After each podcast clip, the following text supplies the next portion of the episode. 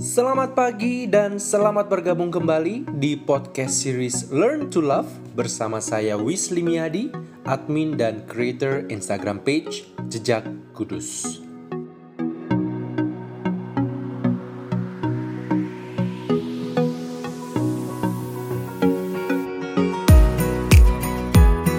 Grace and peace to you, my dear sisters and brothers in Christ. Selamat pagi, welcome to the second episode of Learn to Love podcast series. Di episode yang kedua ini, diskusi kita sebenarnya masih ada hubungannya dengan topik di episode pertama. Jadi kalau kamu belum dengerin atau udah lupa, habis ini didengerin lagi ya. Nah, di episode yang pertama, topiknya adalah How to Love Like a Saint. Dan aku merasa mungkin uh, ada di antara kita, termasuk aku juga, mungkin yang merasa agak sedikit gimana gitu ya kalau kita dibandingin dengan Santo Santa. Mereka kan udah kudus, udah holy banget. Dan kalau kata teman saya mungkin kayaknya dia juga lagi dengerin podcast ini ya. Berat, berat, berat, berat, berat, berat, berat. ya, jadi supaya nggak berat di podcast episode yang kedua ini, topik yang aku pengen bahas bersama dengan teman-teman semua adalah how to love like a sinner. Karena saya rasa semua di antara kita juga pasti bergumul dengan dosa. Ya, ada yang nggak berdosa di sini? Rasanya kecuali Yesus dan Bunda Maria, tidak ada manusia yang bersih dari dosa. Jadi pertanyaan-pertanyaan refleksi hari ini pun pasti bisa relatable banget dengan kita semua. Bagaimana kita bisa mencintai sebagai orang yang berdosa. Masih ingat gak apa definisi kasih menurut Santo Thomas Aquinas? Love is an appetite to good. Love is an appetite to good. Kasih itu menarik kita kepada hal yang baik. Kenapa kok kasih itu bisa menarik kita pada hal yang baik? Karena kita manusia diciptakan baik.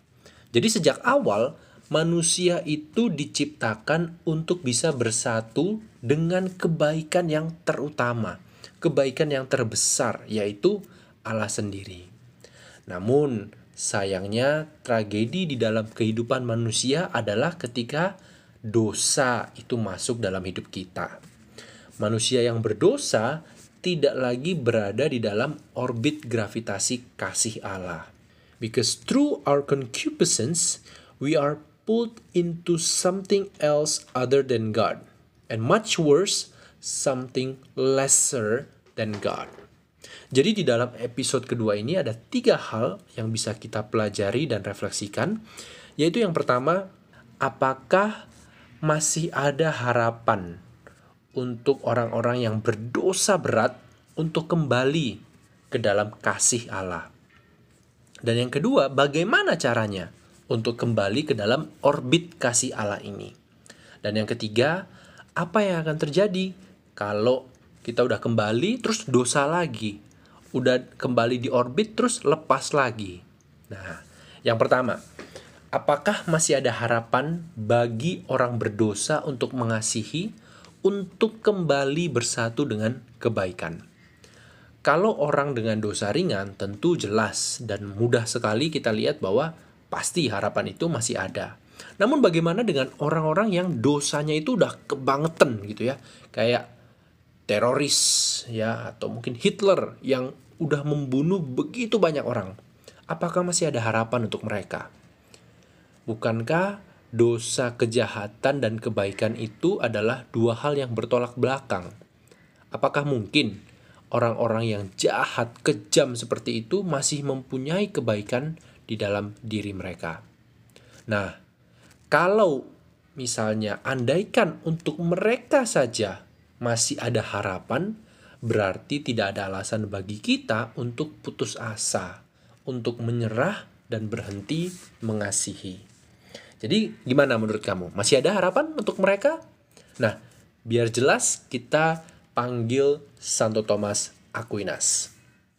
Di dalam buku Summa Theologiae, Santo Thomas menjelaskan bahwa di dalam diri manusia ada dua level kebaikan yang pertama adalah kebaikan natural dan yang kedua kebaikan supernatural. Kebaikan supernatural itu contohnya virtues, kebajikan, ya. Bisa juga contohnya grace, rahmat. Sedangkan kebaikan natural itu adalah moralitas manusia yang mengarahkan kita tentunya kepada kebaikan yang supernatural tadi. Jadi kebaikan natural itu mengarahkan manusia kepada kebaikan yang supernatural. Nah, menurut Santo Thomas, dosa itu tidak mungkin masuk ke dalam kebaikan yang supernatural. Karena grace and virtues itu seperti cahaya dengan kegelapan. Jadi uh, grace and virtue itu sebagai cahaya, dosa itu sebagai kegelapan. Kegelapan itu nggak mungkin ada di dalam cahaya. Jadi dosa itu ada di mana? Dosa ada di dalam kebaikan natural manusia. Moralitas manusia bisa menjadi baik, bisa juga menjadi jahat. Jahat dalam arti dosa itu membatasi keinginan manusia mengaburkan moralitas kita untuk mencari dan mendapatkan kebaikan yang supernatural tadi. Apa contohnya? Kebajikan atau kebaikan supernatural yang terutama adalah iman, harapan, dan kasih. Nah, apakah dosa bisa menghilangkan seluruh kebaikan natural manusia? Santo Thomas berargumen tidak. Karena apa? Karena manusia memiliki kehendak bebas. Jadi dosa itu adalah sebuah pilihan dari kehendak bebas kita yang memilih dengan alasan apa pun untuk tidak melakukan perbuatan baik. Kita tahu apa yang baik. Kita bisa memilih yang baik. Namun pikiran kita, judgement kita, moralitas kita terkaburkan oleh dosa sehingga kita memilih yang lain yang kurang baik. Nah, jika kita tidak memiliki kehendak bebas untuk memilih yang baik, maka kita pun tidak bisa memilih yang jahat. Saya ulang ya. Ketika kita tidak memiliki kehendak bebas untuk memilih yang baik, kita pun tidak bisa memilih yang jahat. Jadi dengan demikian, dosa itu hanya akan mengaburkan, membatasi moralitas kita, tapi tidak akan pernah menghilangkan hasrat kita pada kebaikan, tidak pernah menghilangkan kehendak bebas kita untuk memilih kebaikan. Santo Agustinus menyimpulkan hal ini dengan sangat indah dan sangat sederhana. Evil exists in some good. Evil exists in some good. Kejahatan itu eksis ada di dalam suatu kebaikan. Jadi, jika tidak ada yang baik, maka tidak ada yang jahat. Jika tidak ada yang baik, tidak ada yang jahat. Oleh karena itu, apakah masih ada harapan bagi pendosa yang terberat sekalipun? Bagi Hitler atau bahkan bagi Yudas? Jawabannya tentu adalah iya. Selalu ada harapan. Karena di dalam diri kita akan ada selalu kebaikan Dosa hanya bisa menutupi, melemahkan, tetapi tidak akan pernah menghilangkan kebaikan di dalam diri kita. Pertanyaan yang kedua, lalu jika masih ada harapan, bagaimana caranya agar orang berdosa bisa kembali mengasihi Allah? Yang ini jawabannya nggak sepanjang tadi, karena hanya ada satu cara, yaitu bertobat. Yang perlu kita perhatikan di sini adalah perbedaan antara pertobatan dengan perasaan bersalah, feeling guilty. Apakah pertobatan itu harus diikuti dengan perasaan bersalah? Apakah jika tidak merasa bersalah, orang bisa tetap bertobat? Nah, menurut Santo Thomas Aquinas, bertobat dan merasa bersalah itu adalah dua hal yang berbeda. Karena perasaan bersalah itu adalah emosi.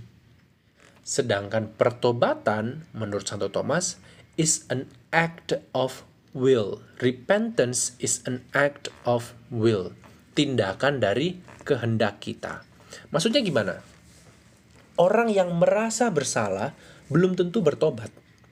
Bisa aja perasaan bersalah itu muncul hanya sesaat setelah melakukan perbuatan jahat atau dosa.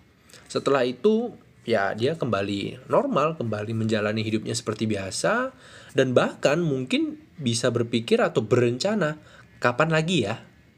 Nah, sebaliknya pertobatan itu adalah sebuah tindakan dari kehendak kita. Jadi pertobatan harus disertai dengan tindakan nyata untuk merubah, memperbaiki, dan merekonsiliasi hubungan yang rusak ada tindakan konkretnya, bukan hanya dirasakan. Sama seperti perintah untuk mengasihi. Pertobatan adalah juga bagian penting dalam ajaran Yesus. Dalam Injil Markus 1 ayat 15, setelah dicobai di padang gurun, Yesus memulai public ministry-nya dengan berseru, "Kerajaan Allah sudah dekat, bertobatlah dan percayalah kepada Injil." Jadi ini adalah seruan Yesus yang pertama di dalam public ministry-nya. Bertobatlah. Dan sama seperti mengasihi, Yesus juga tidak bisa memerintah emosi kita untuk merasa bersalah. Tetapi Yesus bisa memerintah kehendak kita untuk bertobat. Jadi pertobatan baik jika diikuti dengan perasaan bersalah. Namun pertobatan tetap bisa dilakukan tanpa perasaan itu. Ibarat orang yang sedang berlari, emosi kita itu seperti sepatu yang kita gunakan untuk berlari. Akan tetapi, sepatu itu tidak akan bisa menggantikan kaki kita, kehendak kita untuk berlari. Nah, pertanyaan yang ketiga dan terakhir, lantas bagaimana kalau sudah bertobat terus dosa lagi? Udah bangun lari jatuh lagi bangun jatuh lagi. Sia-sia dong waktu untuk bertobat. Ngapain? Toh nanti jatuh lagi. Ini godaan yang paling sering muncul di dalam pikiran kita. Ngapain sia-sia? Nah, di tahun e, beberapa tahun yang lalu, waktu tahun jubileum luar biasa kerahiman ilahi, Paus Fransiskus pernah berpesan bahwa sebenarnya Allah itu tidak pernah capek untuk mengampuni kita, nggak pernah bosen untuk mengampuni kita. Tapi kitalah yang capek untuk memohon ampun kepada Tuhan. Ibaratnya dosa dan pertobatan itu seperti uh, nyuci mobil nih. Aku keinget soalnya uh, waktunya nyuci mobil dan belum. Jadi setelah uh, mobilnya itu dicuci, pasti kacanya kan bersih, kinclong, clear. Kita bisa melihat ke depan dengan jelas. Semakin lama, mau tidak mau setelah beberapa hari pasti debu-debu itu udah mulai nempel. Dan kalau dibiarkan terus-menerus sampai berminggu-minggu, pasti debunya juga semakin tebal dan mengganggu pandangan kita. Sama deh contohnya contoh lain lagi dengan diri kita sendiri. Kalau meskipun pagi kita udah mandi, sore malam pasti mandi lagi kan? Ya normalnya sih begitu. dan pernah nggak kita mikir rasanya sih nggak kita masa masa kita mikir aduh sia-sia tadi pagi mandi nanti sore juga mandi lagi ya mau hemat air juga nggak sampai segitunya kan nah demikian pula dengan pertobatan pertobatan itu seperti yang sebelumnya kita definisikan bahwa pertobatan itu it's an act of will.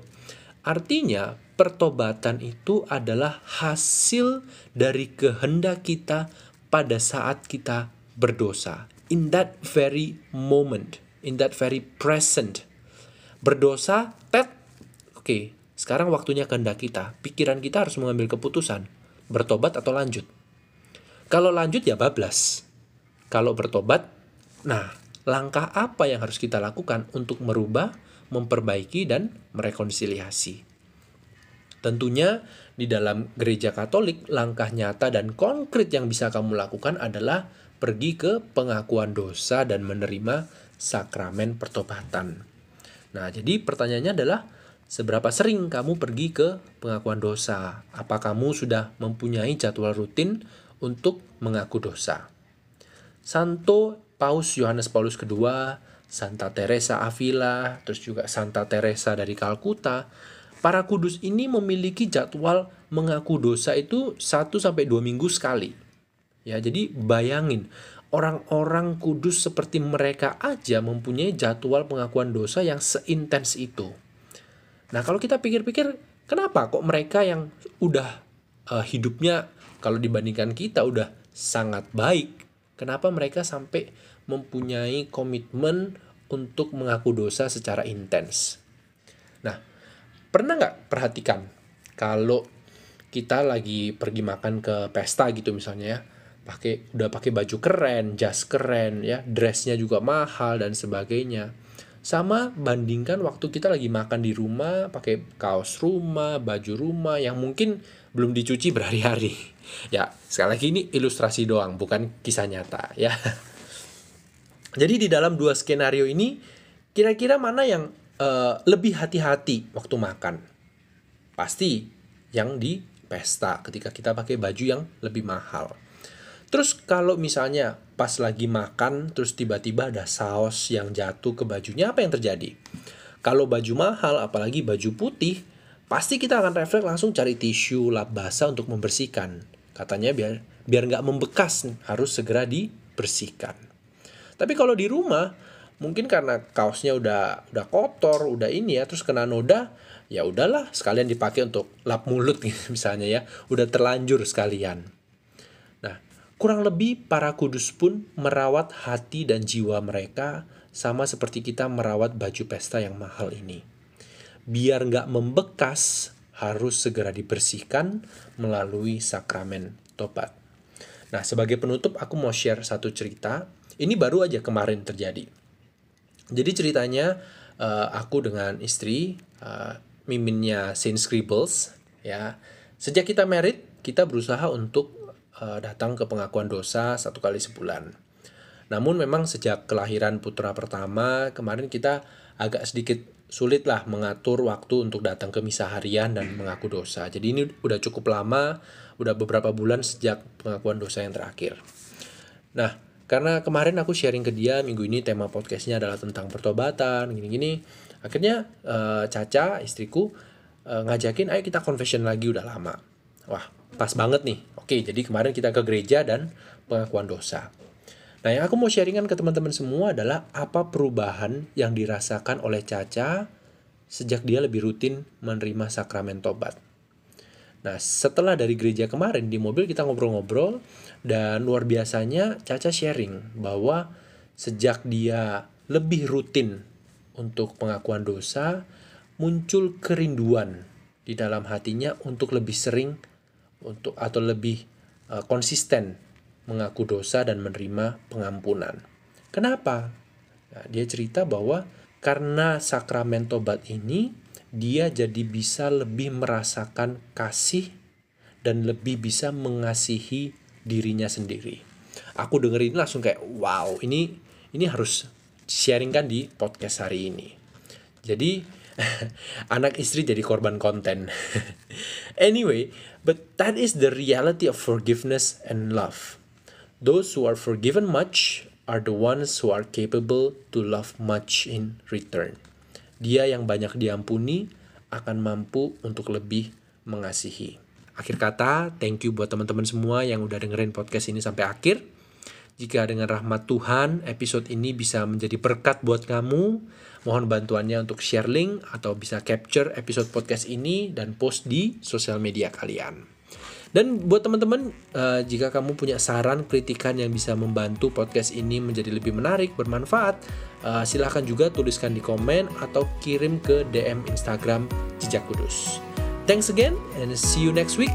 God bless you.